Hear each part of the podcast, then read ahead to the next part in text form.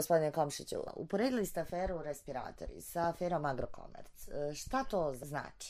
Rečeno, mene to upravo podsjeća na aferu Agrokomerc, jer je jedan očigledno pravosudni slučaj e, korišten za e, promjenu političke scene u Bosni i Hercegovini.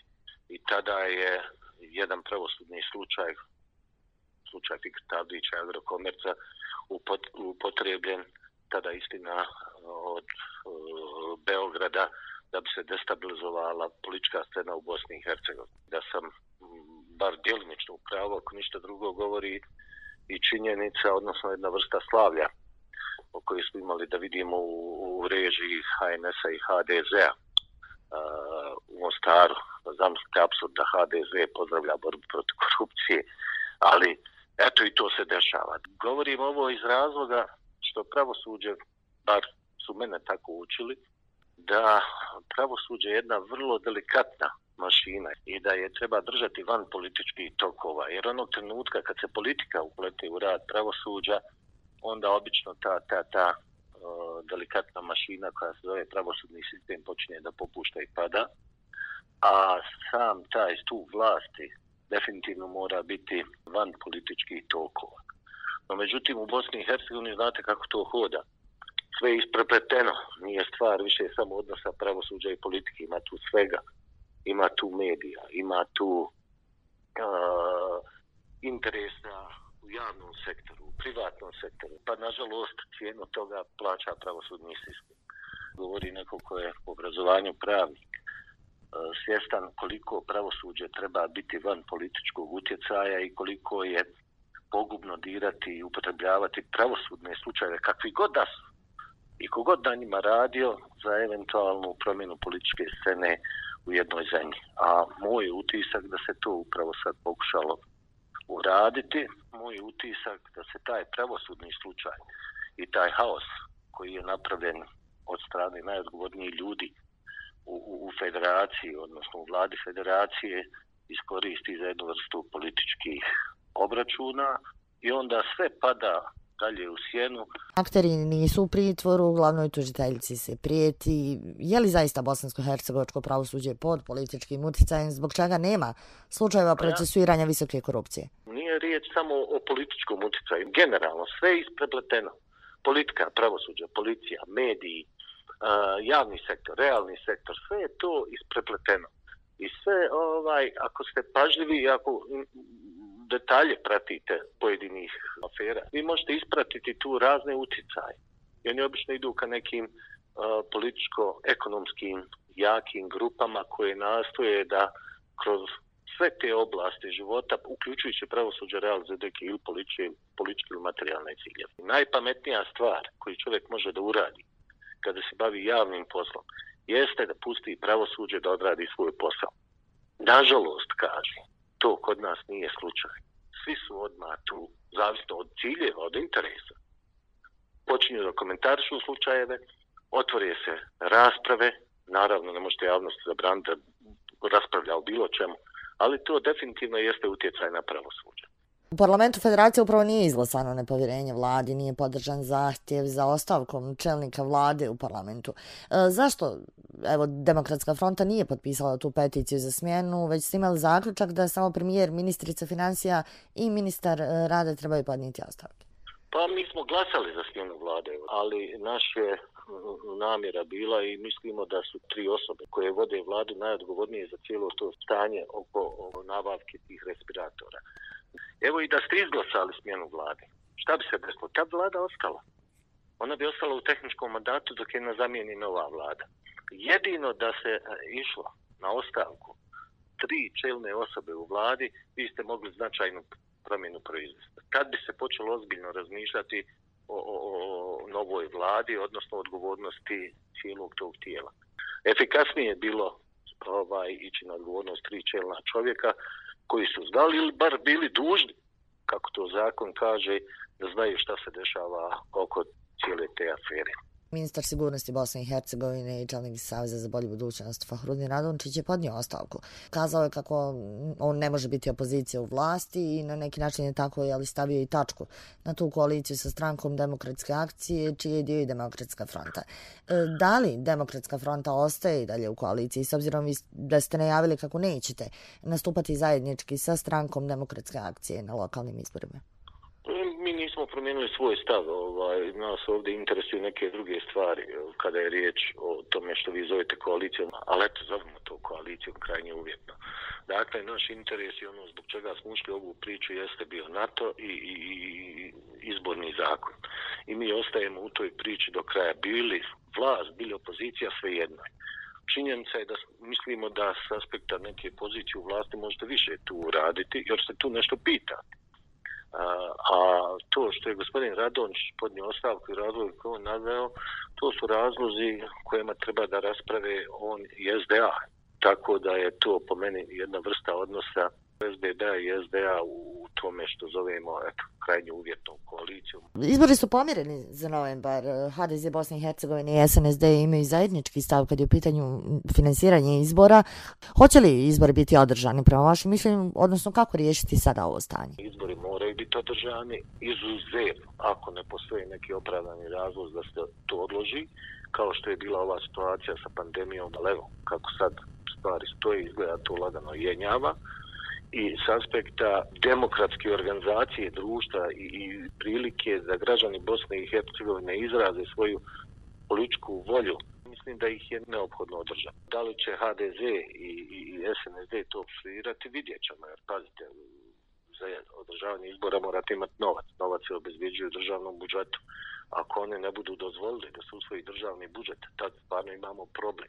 Pazite, ima tu razni planova. Ima planova da Milorad Dodik kad kažem Milorad Dodik, naravno mislim cijelu tu strukturu u Republike Srpskoj, održi izbore za svoj groš. Dakle, bez obzira na da li oni se mogu provesti u federaciju, ne mogu. Pa to, to, to je tek, to je tek pogod.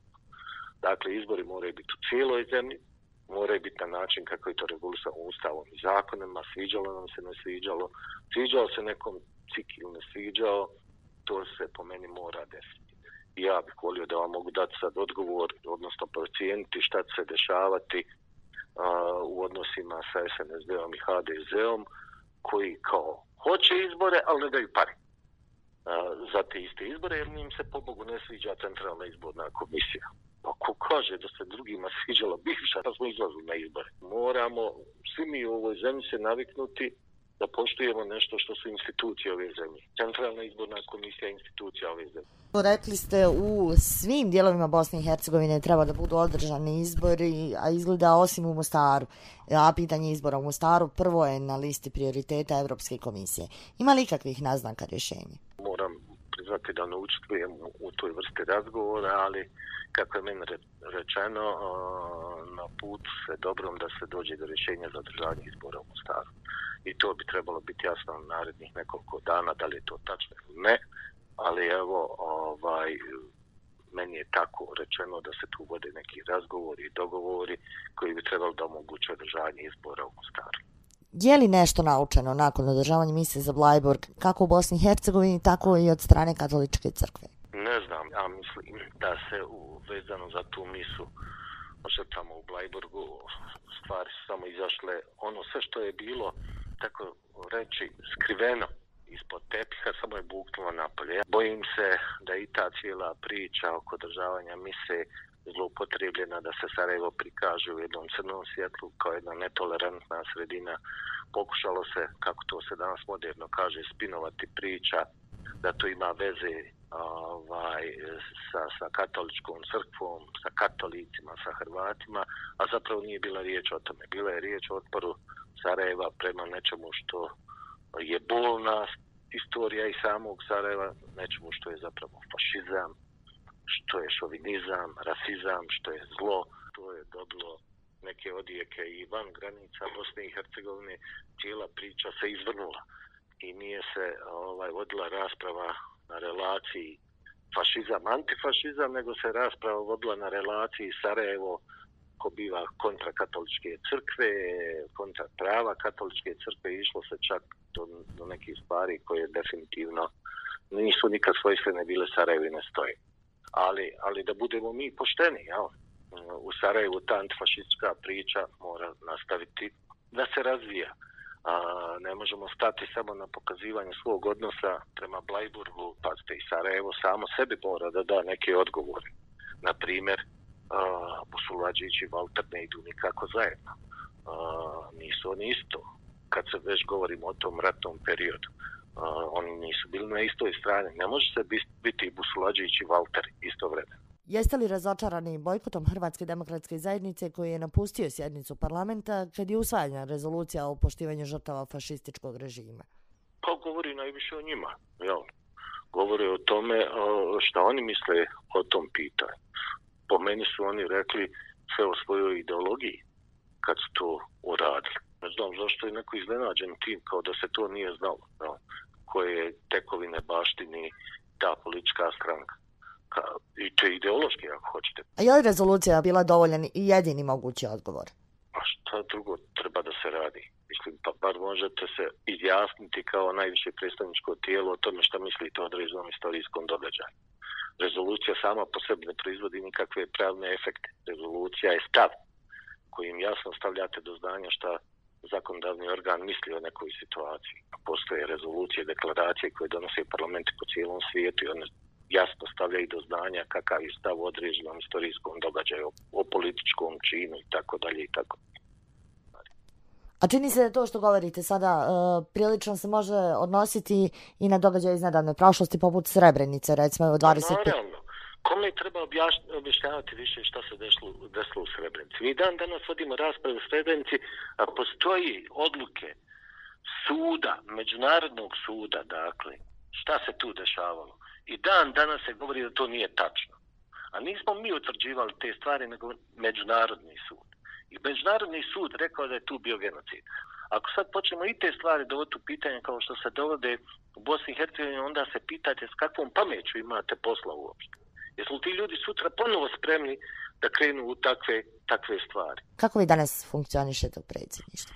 Bez obzira na, na jedan period kada je gospodin Dodik uh, pozivajući se na zaključke Narodne skupšte Republike Srpske išao u blokadu, e, čak i donošenja nekih odluka koje su onako zovno i redovne, koji nemaju nikakav politički efekt, nego je riječ o redovnom poslu predsjedništvu, nakon ove pandemije čini se da smo izašli od prilike iz te situacije. Sad, znate vi kako je to s gospodinom Dodikom? Danas ovako, sutra onako. Danas AMP, sutra nije AMP. Vidjet ćemo. Međutim, a, a, a, trpi posao. Na kraju kreva trpe ljudi. Ako vi ne idete u ratifikaciju, na primjer, međunarodnih sporazuma i ugovora, pogotovo ovih koji su financijske narav, trpe ljudi u Republici Srpskoj, kao što trpe ljudi u federaciji, zavisi na koga se, nam primjer, odnosi, ko treba da povuče ta sredstva, kako treba da se pravi vodovod, kanalizacija, struja, škole, zdravstvene ustanove. Dakle, e, ja ne mogu da prihvatim iracionalno ponašanje u politici, a nažalost ima ga puno. Na kraju krajeva nismo mi birali jedni drugi. Politički sistem, ustav ove zemlje, izbori su nas doveli za isti stol. I kad sjedimo za tim stolom i u ovoj instituciji, naša je obaveza šta god mislili jedni od drugima da radimo svoj posao. S obzirom da je izborna godina, očekujete li porast tenzija? Pa evo, već rastemo, da ja mislim da ova tenzija koju sad imamo nije baš toliko vezana za lokalne izbore. Više je po meni vezana za neke strukturalne stvari u Bosni i Hercegovini. A to je šta će biti sa ovom zemljom, kakva će ova zemlja biti. Hoće li ova zemlja stvarno biti ono što traži, na primjer, Europa od nas, kroz njih 14 zaključaka, preporuka, mišljenja, Hoće ova zemlja stvarno biti dio jedne demokratske porodice u okviru i NATO-a i Evropske unije ili ćemo je nastaviti dalje da cjepkamo, dijelimo i, i da to verifikujemo na svakim izborima koji su, dolaze i koji će doći. Dakle, ja ne bi ovu trenutnu situaciju vezao samo za lokalne izbore, čini mi se da sve ovo što se dešava na političkoj sceni je daleko dublje od predzborne kampanje. Ja mislim da se ovdje radi o suštinskim procesima u Bosni i Hercegovini koji se tiču njene budućnosti. Hvala vam lijepa za ovaj razgovor. Molim.